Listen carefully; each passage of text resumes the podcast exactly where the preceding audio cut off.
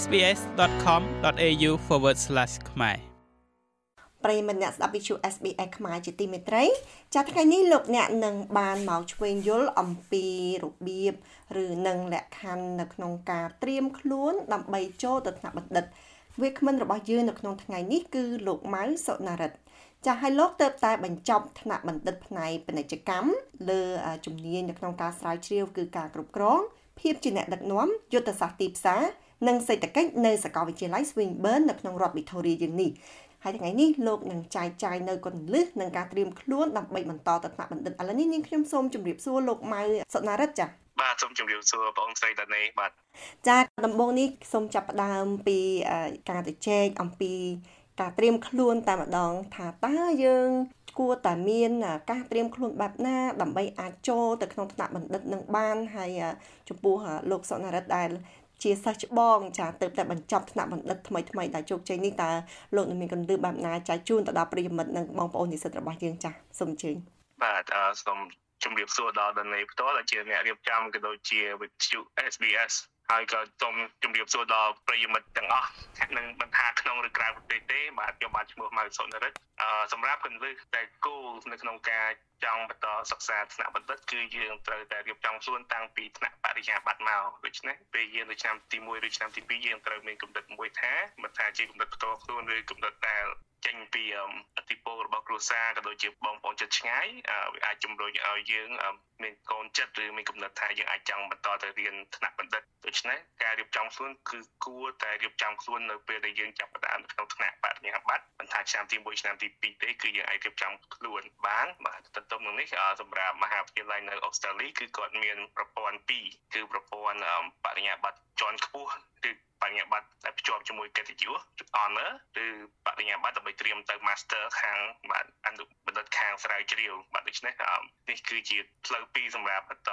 ទៅសិក្សាថ្នាក់បណ្ឌិតបាទដូច្នេះសម្រាប់បងប្អូនដែលកំពុងតែសិក្សានៅប្រទេសអូស្ត្រាលីដែលគាត់ចង់បន្តទៅថ្នាក់បណ្ឌិតដោយលឿនលឿនបំផុតគឺអាចចូលបរិញ្ញាបត្រជាន់ខ្ពស់ឬបរិញ្ញាបត្រ honor បានបាទហើយទន្ទឹមនឹងនេះខ្មែរក៏គាត់ប្រើភាសាបរិញ្ញាបត្រជាន់ខ្ពស់ជាមួយនឹងបាទអនុបណ្ឌិតទីគ្នាដូច្នេះ សម្រាប់អនុបណ្ឌិតសម្រាប់ master គឺ master ខាងស្រាវជ្រាវទន្ទឹមនឹងនេះបាទសម្រាប់បងប្អូនដែលគាត់ចង់ចំណាយពេលតិចហើយអាចចូលបណ្ឌិតបានគឺបាទជាគោលគឺត្រូវបាទគឺខិតខំសិក្សាដើម្បីឲ្យបានពិន្ទុល្អដូច្នេះយើងមានយុទ្ធសាស្ត្រច្រើននៅក្នុងការសិក្សាពិន្ទុគឺសំខាន់ណាស់សម្រាប់ការបន្តការសិក្សារបស់យើងក៏ដូចជាការរកអាហារូបករណ៍ដើម្បីបន្តទៅមុខទៀត ផ្លូវមួយទៀតនៅក្នុងការចូលទៅសិក្សាថ្នាក់បណ្ឌិត គឺសិក្សាអនុបណ្ឌិតឬសញ្ញាបត្រជាន់ខ្ពស់បែបជា course work ប៉ុន្តែដែលមានរយៈពេល2ឆ្នាំហើយដល់ពេលចូលទៅក្នុងឆ្នាំទី2សញ្ញាបត្រនោះគឺគាត់មានគម្រោងនៅក្នុងការបែងចែកមុខវិជ្ជាខ្លះទៅខាងស្រាវជ្រាវតែមានពលភាពលើសពីបាទ33%ឬបាទ4មុខទៅ6មុខ ដូច្នេះផ្លូវពីរដែលខ្ញុំបានជម្រាបខាងលើហ្នឹងគឺទីមួយថ្នាក់ honor បរិញ្ញាបត្រជាមួយ honor ឬថ្នាក់អនុបណ្ឌិតឬបញ្ញាបត្រជាន់ខ្ពស់ជាមួយនឹងជំនាញខាងស្រាវជ្រាវបាទជានេះគឺជាផ្លូវពីរសម្រាប់និស្សិតដែលកំពុងតែសិក្សានៅប្រទេសអូស្ត្រាលីដើម្បីបន្តទៅថ្នាក់បណ្ឌិតនៅប្រទេសអូស្ត្រាលីផ្ទាល់ក៏ដូចជានៅប្រទេសអង់គ្លេសបាទចាត្រង់ចំណុចនេះខ្ញុំមានចំណុចចាប់អារម្មណ៍មួយពីរលោកសុណារិតចាអំបញ្ញមិញនេះកន្លឹះដ៏ល្អនោះគឺថាដើម្បីអាច យើងបន្តទៅថ្នាក់បណ្ឌិតយើងគួរតែចាប់ដើមក្តីស្រមៃចាប់ដើមការគិតរបស់យើងហ្នឹងតាំងតែពី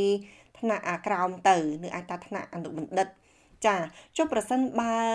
អ្នកដែលគាត់អត់ទាន់បានត្រៀមខ្លួនទេប៉ុន្តែសប្តាហ៍ពេលគាត់រៀនចប់ថ្នាក់អនុបណ្ឌិតទើបគាត់មានក្តីសម័យនេះតើគាត់នៅតែអាចបន្តទៅថ្នាក់បណ្ឌិតបានដែរឬទេចា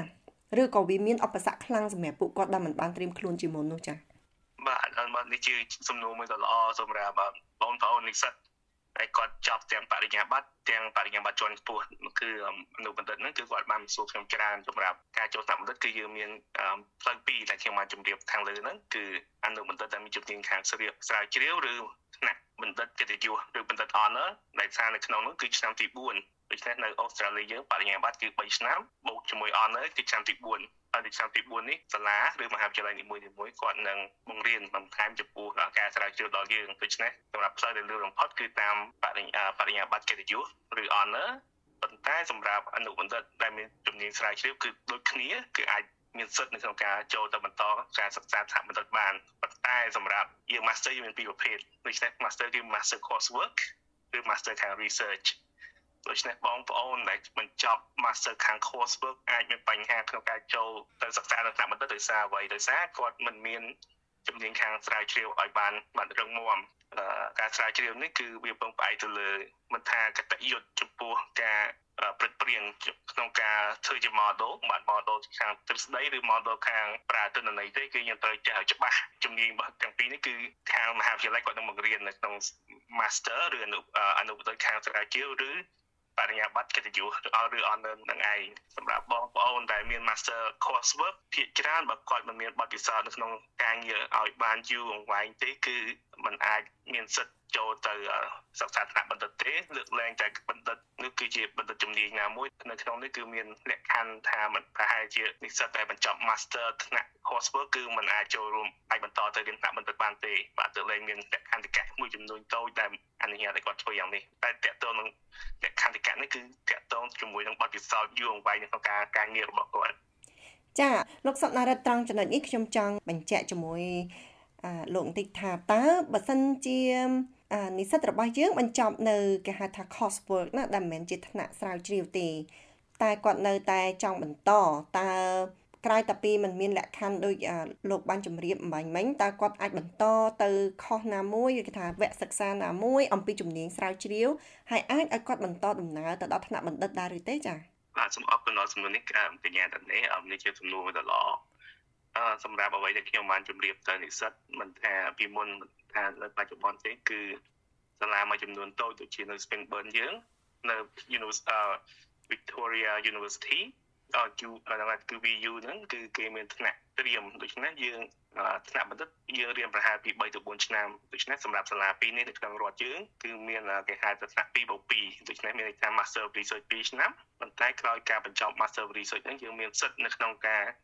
convert នៅក្នុងការ ដំឡើងឋានៈយើងពី master ទៅ PhD ទៅបាទទៅថ្នាក់បណ្ឌិតវិញដូច្នេះអត្ថបទដែលយើងសរសេរហើយហ្នឹងគឺយើងអាចពង្រឹងបន្ថែមដើម្បីធ្វើឲ្យទៅជានិក្ខេបបទរបស់បណ្ឌិតបានចា៎បាទប៉ុន្តែនេះគឺជាបាទគឺជាផ្លូវមួយតែរៀងលំបាកសម្រាប់និស្សិតដោយសារ2មក2មានន័យថា2ដំបូងហ្នឹងគឺ Master of Research សម្រាប់បណ្ឌិតមួយទាំងមូលគឺនិក្ខេបបទប្រហែលជា70000ទៅ100,000ពាក្យតែតែអាចត្រូវសរសេរនៅក្នុងរយៈពេល3ទៅ4ឆ្នាំប៉ុន្តែសម្រាប់ Master Research គឺយើងអាចត្រូវសរសេរពី50000ទៅ60000ពាក្យនៅក្នុងរយៈពេល2ឆ្នាំដូច្នេះយើងនៅមានការលំបាកខ្លាំងដោយសារហេតុអីយើងអត់ទាន់មានតែពេលយើងសិក្សានៅបរិញ្ញាបត្រ មាននិស្សិតមួយចំនួនតូចដែលគាត់ស្គិចនៅមុខវិជ្ជាតែប្រើជំនាញទិន្នន័យច្រើនដូច្នេះពេលយើងចង់ចូល Master Research យើងត្រូវការជំនាញនេះឥឡូវខ្ញុំសូមសង្ខេបឲ្យចេះវិញសម្រាប់ការសិក្សាបរិញ្ញាបត្រគឺ3ឆ្នាំបាទនេះជាគ្រឹះសម្រាប់អ្នកដែលសិក្សាថ្នាក់ Honor ថ្នាក់បញ្ញាបត្រកិត្តិយសគឺបូកមួយឆ្នាំទៀតជាង4ឆ្នាំបូកជាមួយបរិញ្ញាបូកជាមួយថ្នាក់បណ្ឌិតគឺ3ទៅ4ឆ្នាំដូច្នេះគឺ ការសិក្សាលឿនជាងគេគឺប្រហែលជា7ឆ្នាំសម្រាប់សិស្សដែលរៀនបញ្ញាបត្រ3ឆ្នាំ Master of Research ឬបរិញ្ញាបត្រជាន់ខ្ពស់ខាងស្រាវជ្រាវគឺ2ឆ្នាំបូកជាមួយនឹងបណ្ឌិត3ទៅ4ឆ្នាំវាអាចពីចន្លោះពី8ទៅ9ឆ្នាំប៉ុន្តែសម្រាប់និស្សិតដែលគាត់រៀនសិក្សា Master course work គឺថ្នាក់បណ្ឌិតបាទមានជំនាញប៉ុន្តែមិនមែនជំនាញស្រាវជ្រាវគឺអាចយូរជាងគេគឺគាត់អាចបរិញ្ញាបត្រ3ឆ្នាំបូកជាមួយ Master គាត់1ឆ្នាំកន្លះទៅ2ឆ្នាំបាទដូច្នេះពី4ឆ្នាំកន្លះទៅ5ឆ្នាំបូកជាមួយនឹង2បូក2ដូច្នេះគឺ4ឆ្នាំអាចលើកពី4ទៅបន្តិចបន្តួចទៀតដូច្នេះវាអាចប្រហែលចូលជា10ឆ្នាំដូច្នេះការសិក្សាថ្នាក់បណ្ឌិតវាមិនមែនសម្រាប់និស្សិតគ្រប់គ្នាទេប៉ុន្តែគឺសម្រាប់និស្សិតដែលមានការចាប់អារម្មណ៍ក្នុងការរកនៅចំណេះដឹងថ្មីថ្មីឬគំនិតថ្មីសម្រាប់អភិវឌ្ឍជាគម្រោងចំណេះដឹងរបស់យើងដែលមាននៅក្នុងពិភពលោកនេះចាអំបញ្ញមិញនេះខ្ញុំឆ្ងល់ចំណុចមួយខ្ញុំគិតថាប្រសិនបើយើងចាំបាច់ត្រូវតែឲ្យមានជំនាញនៅក្នុងការស្រាវជ្រាវមុនទៅចូលថ្នាក់បណ្ឌិតអញ្ចឹងនិស្សិតគ្រប់គ្នាគួរតែយកថ្នាក់អនុបណ្ឌិតឬក៏ថាថ្នាក់បញ្ញាបត្រជាន់ខ្ពស់នៅផ្នែកស្រាវស្រាវជ្រាវឲ្យគ្រប់គ្នាតែម្ដងទៅដើម្បីកុំឲ្យមានការខាតប៉ុន្តែអំបញ្ញមិញនេះលោកសុនរិទ្ធបានជម្រាបទៅប្រិយមិត្តអ្នកស្ដាប់និងបងប្អូននិស្សិតយើងហើយថា ថ្នាក់បណ្ឌិតនេះគឺវាមិនមែនមានន័យថាអ្នកគ្រប់គ្នាត្រូវតែយកថ្នាក់បណ្ឌិតនោះទេ គឺវាសម្រាប់សិស្សនិស្សិតគ្រប់គ្នាប៉ុន្តែសិស្សនិស្សិតណាដែលគាត់មានបំណងចង់ស្វែងរកអ្វីថ្មីថ្មីហើយចូលចិត្តនៅការស្រាវជ្រាវទៀតអញ្ចឹងសម្រាប់បងប្អូននិស្សិតខ្លះគឺគាត់មិនចង់បន្តថ្នាក់ការស្រាវជ្រាវអ្វីទេក៏ត្រូវការពង្រឹងតែលើជំនាញណាមួយ ដើម្បីអាចយកមកអនុវត្តនៅក្នុងជីវិតរបស់គាត់ដូច្នេះគាត់មិនចាំបាច់បន្តទៅថ្នាក់អា បណ្ឌិតនោះទេដោយសារគាត់មានក្តីសម័យផ្សេងការយល់ឃើញរបស់ខ្ញុំបែបនេះត្រឹមត្រូវដែរទេចាស់លោកសុនរិទ្ធចា៎បាទខ្ញុំសូមឯកភាពជាមួយកញ្ញាដនេការកំណត់នេះគឺពិតជាត្រឹមត្រូវប៉ុន្តែសម្រាប់អ្នកសិក្សាជាមួយខ្ញុំមានក្មេងៗពីអាយុបាន26 27ឡើងទៅដល់ហល់អាយុរហូតដល់70ឆ្នាំដូច្នេះពួកការសិក្សាផ្នែកថ្នាក់បណ្ឌិតនេះគឺអត់ចេះហួសពេលទេគឺយើងអាចវិលត្រឡប់មកសិក្សាមកស្រាវជ្រាវចំពោះចំណេះដឹងថ្មីថ្មីពេលក្រោយទៀតបាទដូច្នេះនឹងបាទជា កត្តាមួយនៅក្នុងបាទការសិក្សាបណ្ឌិតហើយគឺវាមានផលប្រយោជន៍ក៏មាន drawback ជាច្រើនដែរចំពោះការសិក្សាថ្នាក់បណ្ឌិតថ្នាក់បណ្ឌិតគឺជាថ្នាក់មួយដែលល្អនិស្សិតគ្រប់រូបគឺគួរតែមានចំណេះដឹងក្នុងការស្រាវជ្រាវដល់កម្រិតណាមួយបាទនេះជាគំនិតតតខ្លួនរបស់ខ្ញុំប៉ុន្តែថ្នាក់បណ្ឌិតនិស្សិតគ្រប់គ្នាគឺអាចមានឱកាសដើម្បីចូលរួមទៅសិក្សាវគ្គនេះបានតែការខិតខំបាទទៅតាមមួយតែបំលែងបាទពីសិស្សដែលជោគជ័យនិងសិស្សដែលគាត់តនៅការសម័យរបស់គាត់ទៅក្នុងផ្នែកផ្សេងៗទៀតបាទដូច្នេះថ្នាក់បណ្ឌិតតាមជាទិន្នន័យឆ្នាំទី1អាចមានអ្នកដែលគាត់មានន័យថាគាត់អាចពេលគាត់ចូលថ្នាក់បណ្ឌិតហើយគាត់ដឹងខ្លួនថាអូថ្នាក់បណ្ឌិតការស្រាវជ្រាវនោះមិនមែនជាអ្វីដែលគាត់ចង់បានដូច្នេះគាត់អាចបាទរកផ្លូវទៅទៀតអាចនឹងជោគជ័យជាងអ្នកដែលមានសញ្ញាបត្របណ្ឌិតបាទថែមទៀតបាទព្រោះប្រិយមិត្តទាំងអស់មិនថាក្នុងនិងក្រៅប្រទេសបាទជាប្រទេសតែសូមសង្កត់ធ្ងន់ដល់និស្សិតដែលកំពុងសិក្សានៅប្រទេសអូស្ត្រាលីផ្ទាល់បាទបងប្អូនមានបំណងចង់សិក្សាថ្នាក់បណ្ឌិតបងប្អូនគួរតែចាប់តាមរៀបចំគម្រោងឬផែនការពីបរិញ្ញាបត្រទៅដើម្បីកុំឲ្យបាទទី1កុំឲ្យខ្ជះខ្ជាយពេលបាទទី2គឺយើងមានការខិតខំតាំងចិត្ត ពីតូចដល់ធំដូចថាពីបរិញ្ញាបត្រដល់ថ្នាក់បណ្ឌិតឬលើសបណ្ឌិតទៀតទន្ទឹមនឹងនេះខ្ញុំបាទសូមលើកទឹកចិត្តដល់និស្សិតគ្រប់រូបដែលកំពុងសិក្សានៅប្រទេសអូស្ត្រាលីបាទឲ្យខំបន្តការសិក្សាដើម្បីសាងខ្លួនជាទំពាំងដើម្បីស្នងរស័យនៅបាទពេលអនាគតទៀតព្រោះប្រទេសជាតិយើងគឺមានតម្រូវការច្រើនចំពោះធនធាននៅថ្ងៃអនាគតបាទដូច្នេះសូមគោរពអរគុណបាទ